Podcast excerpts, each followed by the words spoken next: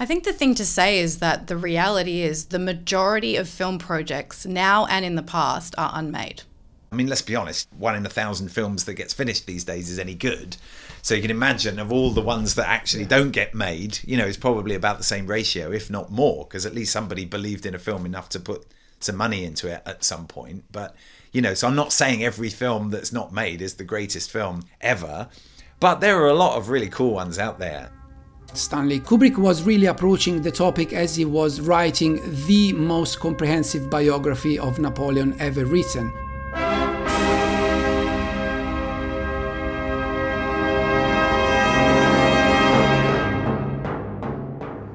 Majoriteten av alla filmprojekt går aldrig upp på vita duken. Hur kommer det sig? Bara en på tusen filmer är sevärd och än färre om man tar i beaktande alla filmprojekt som inte realiseras. Den inflytelserike filmskaparen Stanley Kubrick var helt besatt av Napoleon. Det sägs att han hade läst 500 böcker om kejsaren, hade kartlagt inspelningsplatser över hela Europa, hade samlat en imponerande grupp filmstjärnor i alla roller och det fanns ett färdigt manus. Allt var klart för tagning. Men varför blev då Kubricks Napoleonfilm aldrig av? Filmproducenten Dennis O'Dell försökte få till stånd en filmversion av Sagan om ringen med The Beatles i huvudrollerna. Wouldn't it been fascinating to see the Beatles in Lord of the Rings? Wouldn't that have been something? Men Dennis O'Dells önskan att se medlemmarna av The Beatles som små hobbitar förblev en önskedröm.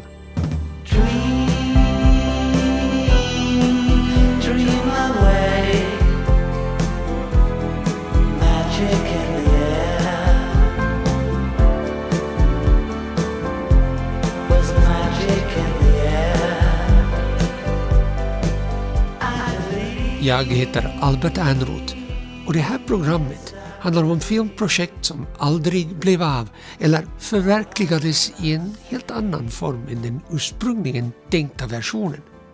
Men varför är havererade spelfilmer som ingen någonsin kommer att se intressanta? Ja, genom att studera orealiserade filmer kan man nämligen få en utmärkt och ibland överraskande inblick i planeringsstadiet, hur mycket det krävs och hur komplicerat det kan vara att överhuvudtaget få ett filmprojekt på fötter. I'm David Hughes, author of The Greatest Sci-Fi Movies Never Made and Tales from Development Hell, two books about films that never were. David Hughes är filmkritiker och författare av böckerna The Greatest Sci-Fi Movies Never Made och Tales from Development Hell. Jag besöker David i Hunden i sydöstra England. Development Hell, utvecklingshelvetet, eller produktionshelvetet, är produktionsfasen som många filmprojekt fastnar i. Development Hell är skärselden där filmmanus väntar ibland i tiotals år på att få inträde i Hollywoods himmelrike. Det finns långt fler filmprojekt som aldrig har blivit av och ligger och dammar i något arkiv än det finns filmmanus som har förverkligats. Development hell basically happens when a Hollywood studio, let's say, is trying to make a film. So they get a script that they like from the 10,000 or whatever that, that they're sent. And then they decide this is the one that we want to make, and we think this director would be perfect to make it. So they give it to the director. The director brings his pet writer on board, and the pet writer writes it to the director's satisfaction. Hollywoodproducenter, regissörer och agenter bombarderas dagligen med pitchar och filmmanus. De flesta är oombedda, men några få, som för det mesta brukar vara beställningsarbeten, blir godkända och tilldelas en budget, blir greenlit, som det heter i Hollywood. Men innan man kan börja diskutera finansiering måste man ha ett mästerligt manus. Usually they say this script is brilliant. Who can we get to rewrite it? Varje filmmanus skrivs om flera gånger, till och med de allra bästa. Efter ett tiotal utkast är producenten nöjd och nästa steg är att leta efter en regissör som helst ska vara mycket etablerad. Då har man nämligen större chans att också locka kända skådespelare. Den berömde regissören känner sig hugad och han, för det mesta är det ju män, ber sin älsklingsmanusförfattare skriva ett nytt utkast. Then, when the director's happy, they send it out to actors. And then the actors want to bring in their pet writer and make their part bigger and more interesting and have more conflict and more drama and all of that. And then they send it to the other actor, and then the other actor wants to bring in their pet writer. När regissören är nöjd med det nyskrivna filmmanuset börjar han tillsammans med producenten överväga vilka filmstjärnor som kan komma i fråga beroende på budgeten naturligtvis. Hollywoodstjärnor hinner inte eller orkar inte år efter år gå igenom hundratals texter. De anställer istället professionella läsare som bara vidarebefordrar relevanta filmmanus. Regissören Quentin Tarantino påstår att the king of cool, Steve McQueen, aldrig läste ett filmmanuskript. Den triviala uppgiften fick hans fru sköta. Okej, men nu utgår vi från att Hollywoodstjärnan åtminstone har ögnat igenom sin egen roll och blivit smått intresserad. Ska vi låtsas att producenten har lyckats väcka Sean Connerys intresse för huvudrollen? Jo, jag vet, han är död sedan några år, men vi går 20 år tillbaka i tiden. Oh my god, we've got Sean Connery, that's incredible. Sean Connery brings in his screenwriter and rewrites it so that his part is bigger or cleverer or whatever, or that he understands it better. You know, bearing in mind he turned down The Matrix and Lord of the Rings because he didn't understand them, um, as legend has it. So basically they then keep rewriting and rewriting and rewriting and everybody's ch- changing the script and blah blah blah and eventually they all get a draft that everybody likes Eftersom vi talar om en megastjärna som Sean Connery har han naturligtvis sin egen favorit manusförfattare som har som uppgift att göra Seans roll mer dramatisk, större och begripligare. Alltså begripligare för Sean Connery. David Hughes som gillar lite elakt skvaller, och vem gör nu inte det i detta sammanhang, berättar att Sean Connery tackade nej till huvudrollen i The Matrix och The Lord of the Rings. Han lärde inte ska ha förstått handlingen. Som sagt, det blir många, många omskrivningar innan regissören, skådespelarna, producenten och studion, innan alla är belåtna. How, how many scripts? I don't know 25 drafts let's say Medan allt detta pågår måste man också räkna med att det uppstår spänningar mellan huvudrollsinnehavarna. I allmänhet handlar det om prestigefrågor som vilken megaskådis roll ska vara störst, roligast, sexigast, allra bäst. Sedan måste regissören också få tycka till. Efter alla dessa konflikter och förhandlingar har det sannolikt förflutit ett eller två år.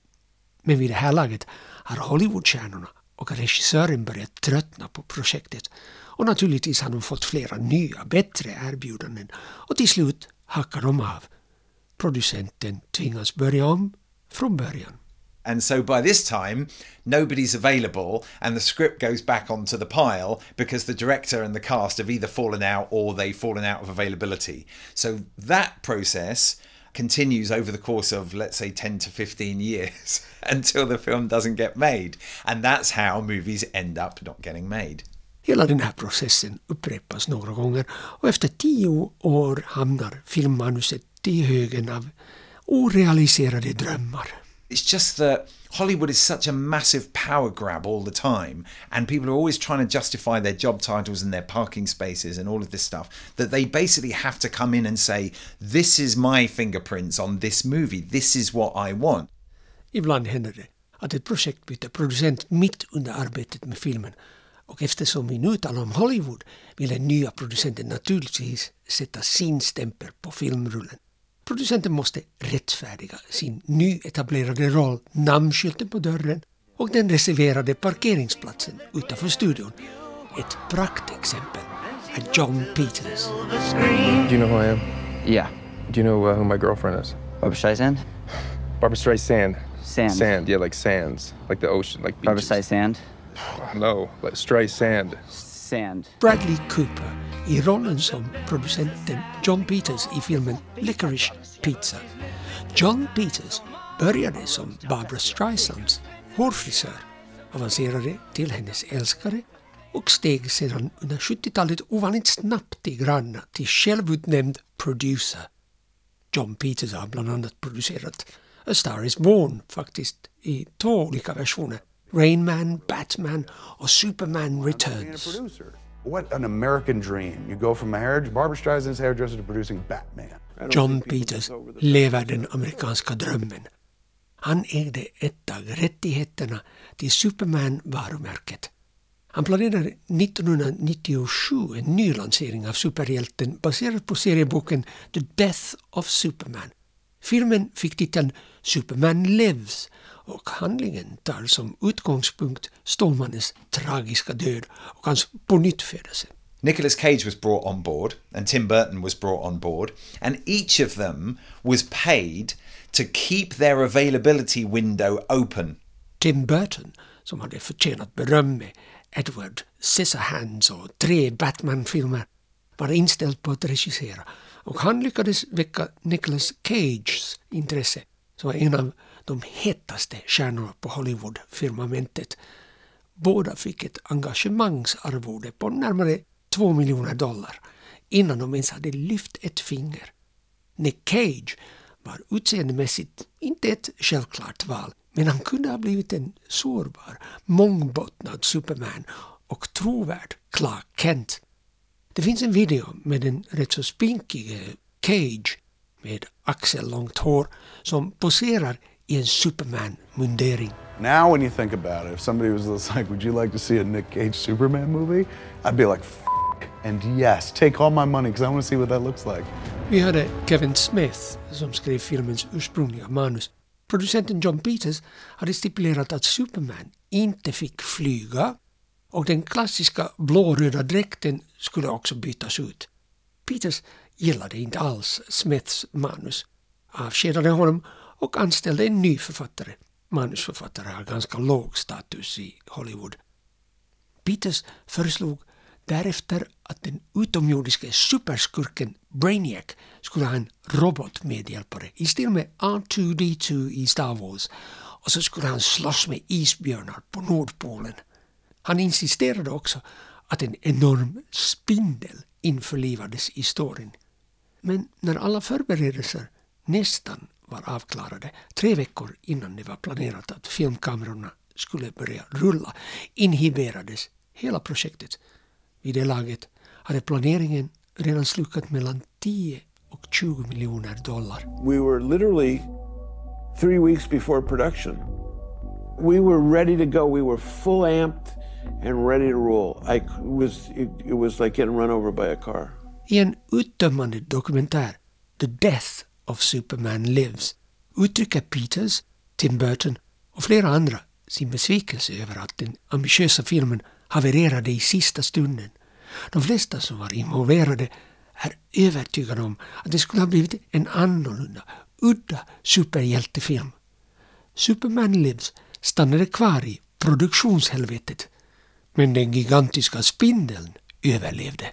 John Peters, he didn't get his giant spider in the Superman movie because the Superman movie didn't get made. So he got a giant spider in Wild Wild West because he obviously had something about seeing a giant spider on the film. John Peters vägrade ge upp sin fixa idé och därför dök megafågelspindeln istället upp i Peters nästa filmprojekt Wild Wild West, den helgalna berättelsen med Will Smith och Kevin Kline i huvudrollerna. He has an 80 foot tarantula. Yes, well, I was coming to that. Nice to see an invention that actually works. Most impressive. David Hughes är själv också manusförfattare, en självlärd manusförfattare. So I've been a screenwriter for about 23 years now, and so I've experienced quite a bit of development hell myself. Hittills har inte ett enda av Davids 15 olika manus kommit upp på filmduken och han har upplevt sin beskärda del av utvecklingshelvetet. Men några gånger har han varit väldigt nära att lyckas. I'd written this movie about um, two guys who steal the world's most expensive car and drive it from Miami to Los Angeles in 24 hours um, for reasons that were explained in the script. And somehow that got me a gig at Morgan Creek rewriting the Exorcist prequel. Because obviously, if you can write knockabout comedies about two guys on a road trip, then you're probably the perfect guy to rewrite The Exorcist, right? David skrev en film som handlar om två killar som stjäl en otroligt värdefull 250 GTO Ferrari och av någon underbar anledning måste köra vintage racerbilen inom 24 timmar från Miami i Florida till Malibu i Kalifornien. Davids agent skickade manuset till flera amerikanska produktionsbolag. En dag tog det kända filmbolaget Morgan Creek kontakt med David, men inte för att diskutera hans fantastiska road movie, utan för att skriva om manuset för The Exorcist, Dominion, den fjärde delen i filmserien om en svensk andeutdrivare. Ja, både Max von Sydow och Stellan Skarsgård har ju tolkat exorcisten Father Lancaster Merrin. This is the spot where Lucifer fell. It was an ancient temple, but they used to conduct human sacrifices. Filmarbetet med The Exorcist, Dominion, var faktiskt redan avslutat, men testvisningar hade framkallat negativa reaktioner. Den värsta kritiken var att Paul Schraders film inte var skrämmande nog. Men David Hughes vet inte varför producenten bad just honom fixa manuset. Han hade pitchat en road movie, en komedi. Men nu förväntades han skriva om en skräckfilm som hade blivit ett framgångsrikt varumärke. Paul Schrader had shot the Exorcist prequel. Nobody really liked it. It tested disastrously. It wasn't scary. It wasn't really an Exorcist movie, they said. So they were like, right, this movie's terrible. Det som gjorde David minst sagt osäker var att det var ingen mindre än Paul Schrader som hade gjort den nedsavlade Exorcist-filmen. Schrader är en ikonfigur för manusförfattare. Han har bland annat skrivit manus till klassiker som Taxi Driver, Raging Bull och regisserat American Gigolo. David och hans skrivpartner förväntades nu skriva nya scener som kunde fogas in i Schraders hårt kritiserade film och sätta fart på den. What can we do to save it? Well, obviously, we get in René Harlin to come in and direct some additional stuff, right? So they brought me in and my writing partner, Dane McMaster, they brought us in to basically not rewrite the script, but add loads of other stuff that Rennie Harleen could shoot. And then they could add it to the existing film they'd already made to sort of jazz it up a bit. So we ended up creating this whole like what what would have become really the A plot and relegate the the, the stuff that Paul Schrader had shot to the flashbacks. Det var meningen att Rennie Harlin skulle fungera som den räddande ängeln. Han hade firat triumfer med bland annat slasherfilmen Nightmare on Elm Street 4, The Dream Master och actiondramat Cliffhanger. And of course, we'd read the Paul Schrader draft and thought it was absolutely brilliant. so that didn't help. But we want the job. David Hughes hade läst Paul Schraders ursprungliga manus och tyckte att det var utmärkt. Han förstår inte varför filmbolaget inte gillade det. We didn't get the job. Nåväl, David och hans partner fick inte skriva det slutgiltiga manuset. Rennie Harlin använde ett helt nytt utkast för sin egen version som släpptes som The Exorcist The Beginning. Jag kan tänka mig att David känner en viss skadeglädje över att Harlins Exorcist-version fick utstå hård kritik och blev en publikflopp. Ett år senare fick den ursprungliga versionen, som kallades Paul Schraders Exorcist, The Original Prequel, en begränsad biopremiär. Pearl Cornigan, Scar of Shame, Philadelphia Color Plays 1927.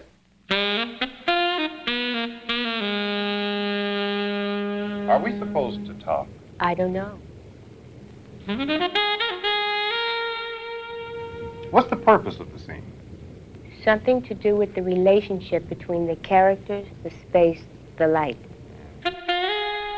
My name is Dr. Alex Beeston, and I'm a film and uh, literature scholar based at Cardiff University in Wales, but I'm from Australia originally. Jag besöker Dr. Alex Beeston i Cardiff i Wales där hon undervisar film och litteratur vid universitetet. Nyligen organiserade Alex ett seminarium och en minifilmfestival om kvinnliga filmskapares orealiserade projekt. The reality is that the history of women's film work is more or less the history of women's unfinished film work. Alex säger att historieskrivningen om kvinnors filmarbeten är mer eller mindre identisk med historieskrivningen om kvinnors havererade filmer. There is a cultural understanding about what an artist is, and unfortunately, in a lot of cases, that's still gendered male and it's still raced white as well. So I think when a screenwriter walks into a, a, room and is pitching a project, there can be ways that preconceived ideas about who that person is, what they can do, come into play even before they've opened their mouths, even before one line of the script has been read. Tyvärr är det i vår kultur underförstått att en artist är en vit medelklassman. Det finns förutfattade meningar om författare som kommer till ett filmbolag för att pitcha innan personen ens har öppnat sin mun och innan producenten ens har läst dennes manus, säger Alex. In a lot of cases, if you're a woman, and especially if you're a woman who is not white, or if you're from a working class background, there's so many different ways that it's hard for you to imagine yourself as a filmmaker. För en icke-vit arbetarklasskvinna kan det vara svårt att föreställa sig att bli filmskapare. Det krävs att man blir uppmuntrad av lärare, vänner, människor i ens egen miljö och att det finns rollmodeller inom filmbranschen. Dessutom ska man ha tur. Kathleen Collins var 1982 en av de första normbrytande afroamerikanska kvinnorna som lyckades övervinna dessa barriärer. Hon var en typisk autör. Hon skrev själv manuset till spelfilmen Losing Ground som hon också regisserade. Filmens huvudroll, en kvinnlig professor som genomgår en existentiell kris, påminner mycket om Kathleen Collins själv. That film, which depicts a character who is very much modelled on Kathleen Collins herself, a black woman intellectual going through an existential crisis and teaching at a local college. She was told repeatedly when she was trying to get this film greenlit that the white producers didn't know any black people like the people she was writing about. They didn't recognise the kinds of black women that she was herself. And she would say to them, But this is me. How can you say I don't exist? När Kathleen Collins försökte få sin film greenlit, alltså finansierad, var de vita producenterna motvilliga för att de inte kände igen de svarta rollkaraktärerna hon beskrev. De hade uppenbarligen fördomar och argumenterade att svarta kvinnor varken är intellektuella eller drabbas av svår ångest. Collins försökte förklara att huvudpersonen och handlingen var baserat på hennes eget liv och hon lyckades till slut skrapa ihop ett startkapital. Med en minimal budget färdigställde hon filmen. Men Losing Ground visades bara på några festivaler och den gick aldrig upp på amerikanska biografer. Collins hade med stor möda tagit sig igenom produktionshelvetet och gjort en spelfilm som därefter praktiskt taget begravdes levande. Inte ett enda filmbolag var beredd att distribuera Losing Ground. 33 år senare, 2015, lät Kathleen Collins dotter restaurera filmrullen och den gavs ut på DVD och Blu-ray och uppmärksammades stort. Idag betraktas Losing Ground som en milstolpe inom afroamerikansk film. Lifts himself up and puts himself down into someone else. And the very idea, how does that make you feel? I'm on shaky ground. Kathleen Collins fick aldrig en chans att göra en uppföljare och hon dog i bröstcancer sex år efter Losing Grounds premiär. There is a phenomenon that's known within film studies and film culture known as director's jail, which is a colloquial term to describe the way that filmmakers can be backed for one film, and even if it's actually very successful, can then find it extraordinarily difficult to get a second film project up off the ground. Kvinnliga regissörer råkar ofta ut för director jail. Det finns ett begrepp i Hollywood som kallas för movie jail eller director jail. Och det betyder att en regissör efter en kommersiellt mindre framgångsrik film upplever att man har blivit utfryst av Hollywoodproducenter och inte får göra en uppföljare. Ett utmärkt exempel av Director Jail är den afroamerikanska regissören Julia Dash. Never forget who we is and how far we done come. Julia Dash har inte fått en chans att göra en spelfilm sedan hennes gripande debutfilm Daughters of the Dust hade biopremiär 1991. The most famous example I can think of this is a filmmaker called Julie Dash, who made an absolutely astonishing film called Daughters of the Dust in the early 90s. By any metric, this was a very successful film and has actually been extraordinarily influential on a whole range of different cultural productions since then. Notably, Beyonce's 2016 visual album Lemonade derives strong influence from Daughters of the Dust. And Julie Dash, however, has still not made a second feature film. Julia Dash, Daughters of the Dust utspelar sig på en ö utanför South Carolinas kust. Filmen är ett porträtt av tre generationer av ättlingar till västafrikanska slavar som har lyckats bevara sin kultur. Men de unga vuxna vill bryta sig loss från de gamla traditionerna och planerar att migrera till fastlandet där det moderna, så kallade civiliserade samhället lockar. Filmen var banbrytande för att svarta kvinnor aldrig tidigare hade porträtterats på ett liknande vis i en spelfilm. Den visuella poesin, texten som framförs på en svårbegriplig dialekt och berättartekniken fick mycket beröm av kritikerna. Sångerskan Beyoncé påverkades av filmen och det märks i hennes visuella album Lemonade.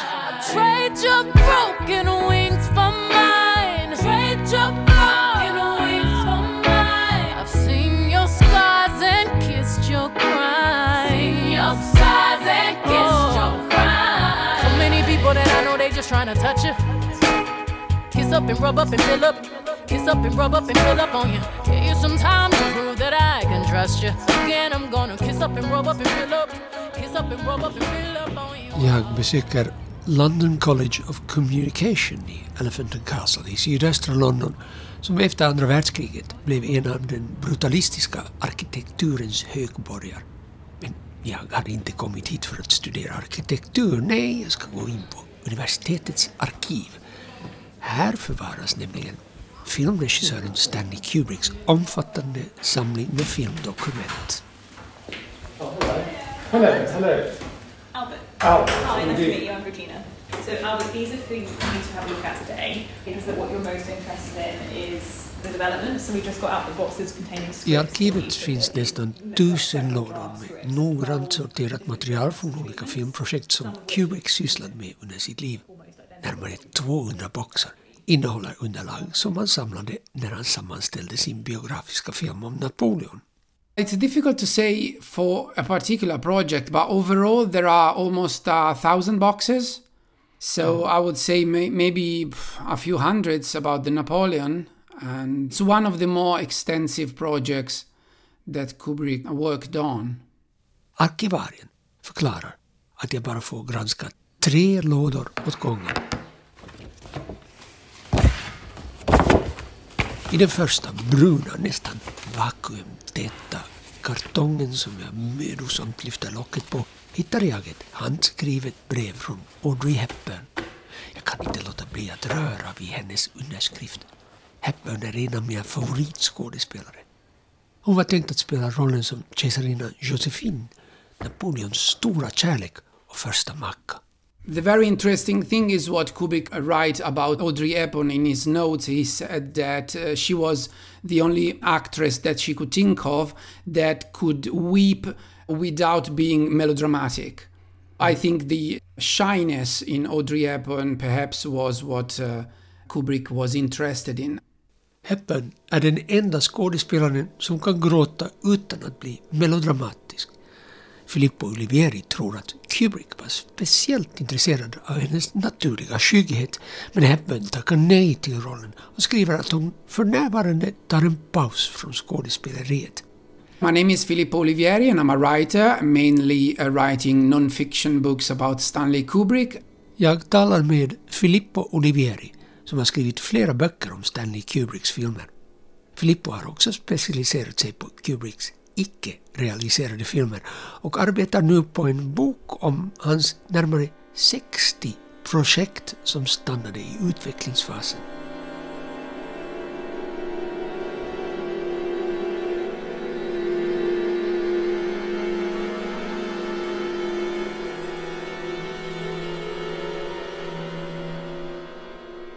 Kubrick hann bara göra 13 spelfilmer under en 45-årsperiod. Minst sex av dessa klassifieras som mästerverk. Paths of Glory, ”Dr. Strangelove, 2001 A Space Odyssey, A Clockwork Orange, Barry Lyndon och den mest skrämmande skräckfilmen jag någonsin sett, The Shining. Förberedelserna inför en Kubrick-film tog en evighet. Men inget projekt ägnade han så mycket tid åt som Napoleon.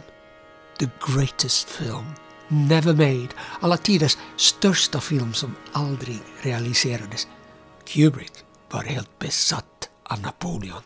Obsession is a very good word and fits very well Kubrick's interest uh, in Napoleon or in many other projects that he had because when he was interested in something he could really spend uh, years of his life studying the topic. And Napoleon is one of the projects that he spent more time on. He started in 1967 amazingly when he was still shooting 2001 A Space Odyssey. När Kubrick blev besatt av en roman, eller en person kunde han ägna åratal åt att forska i ämnet. Napoleon-nördar har det alltid funnits, men Kubrick nådde den högsta nivån av nördighet. Filippo berättar att besattheten började 1967 under inspelningarna av A Space Odyssey. The Napoleonic Library of Kubrick is really I think it's the most uh, comprehensive private library about Napoleon that ever existed. Basically, it's every single book that was ever published about Napoleon. And Kubrick was really thorough in his research. And in the case of Napoleon, he really read anything that was and everything that was published. På Kubricks herrgård i Hertfordshire, 50 kilometer norr om London, hade filmskaparen inrättat ett stort bibliotek med endast böcker om Napoleon. Filippo påstår att Kubrick ägde det största privatbiblioteket med böcker om Napoleontiden och det kan stämma.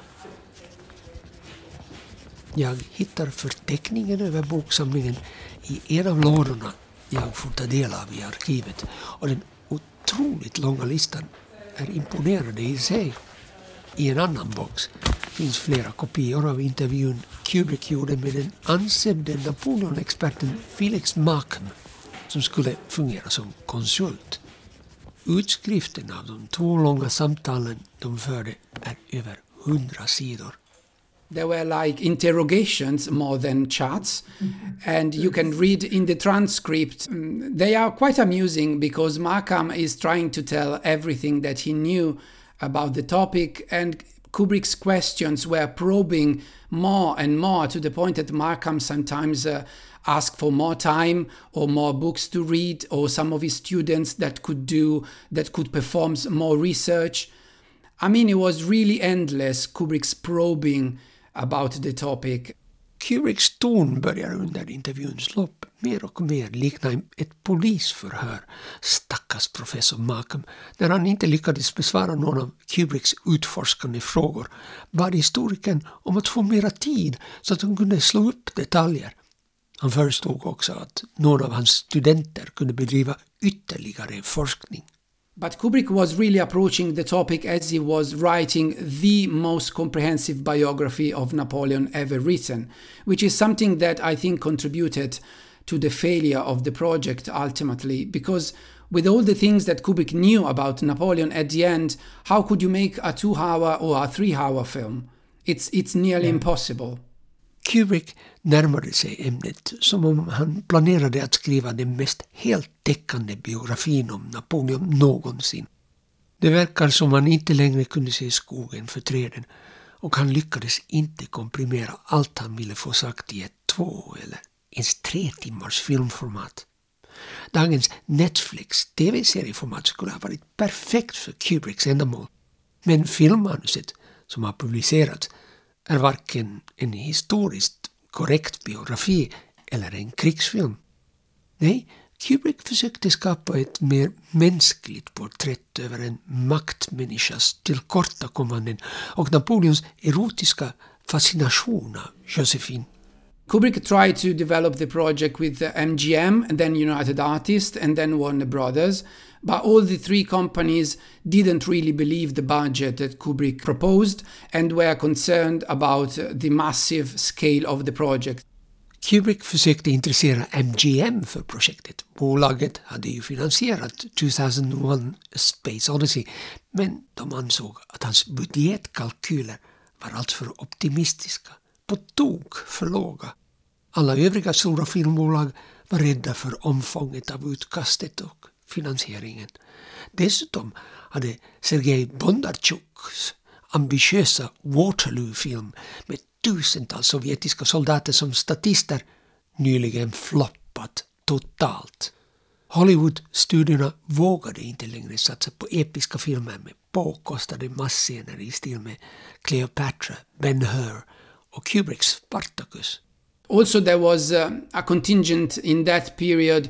The big period pictures were going out of fashion at the time. In Kubrick's word, that there's a note where he said a few years later that the lights went out in Hollywood. Kubrick skrev att ljusen släcktes i Hollywood. Jag får en känsla av att Filippo inte heller är övertygad om att Kubricks Napoleon-projekt skulle ha resulterat i ett mästerverk. Men samtidigt är det en lockande tanke att föreställa sig Jack Nicholson i rollen som den franske kejsaren. Kubrick kunde aldrig helt släppa Napoleon och talade ännu om projektet ett kvart sekel senare.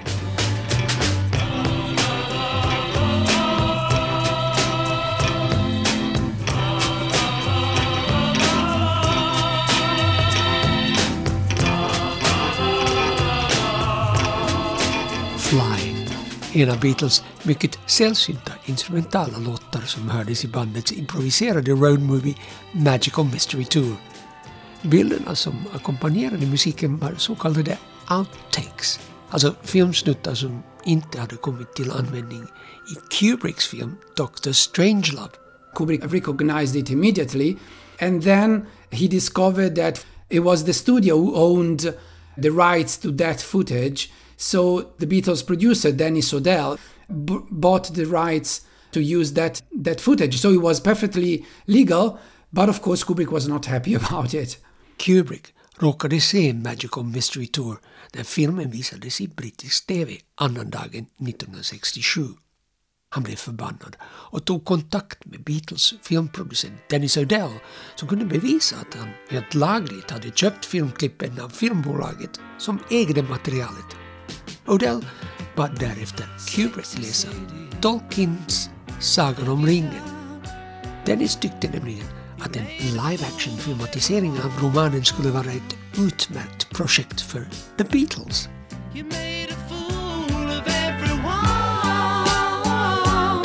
Sexy Sadie, oh, what have you done? Sexy Sadie.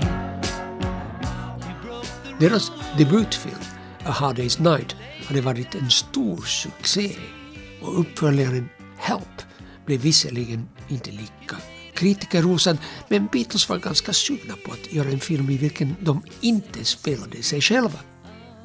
Sagan om ringen hade börjat vinna popularitet bland hippierna och Odell bad Beatles-medlemmarna läsa romanen medan de studerar transcendental meditation med Maharishi i Rishikesh i Indien. Kubrick was in the United States because the um, 2001 A Space Odyssey had just been released. Odell had the book delivered to Kubrick's cabin in the ship that was supposed to brought him back to the United Kingdom and Kubrick read the novel while he was crossing the ocean. Kubrick läste också romanen under en båtresa från New York hem till England. Kubrick said that he liked the book but he thought that it was unfilmable, which is a surprising comment for a director that just had made 2001 A Space Odyssey. Kubrick påstod att det var omöjligt att filmatisera romanen och det kan förefalla överraskande när man tar i beaktande att han i sitt precis färdigställda rymdäventyr A Space Odyssey hade gjort filmtekniska landvinningar med häpnadsväckande specialeffekter.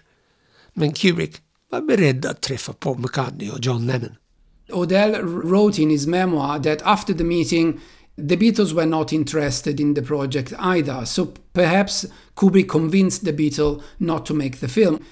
Kubrick måste ha övertygat Paul och John att sagan om ringen-idén var dödfödd och efter mötet var de inte heller längre entusiastiska.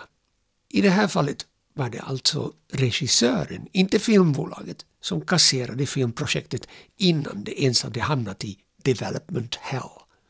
Det är synd, för att visst skulle det ju ha varit roligt att ha sett John Lennon tolka den vedervärdige Gollum och George Harrison som Gandalf.